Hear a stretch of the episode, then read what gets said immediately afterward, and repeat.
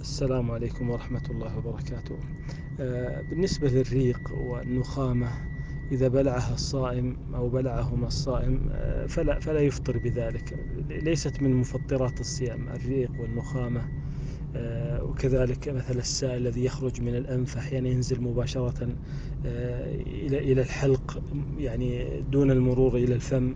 كل هذه الأشياء إذا إذا فعلها الصائم سواء عمدا وإلا غصبا عليه. كلها لا يفطر بذلك لا يفطر بها. يعني صيامه صحيح. يعني سواء كانت عمدا أو غصبا عنه.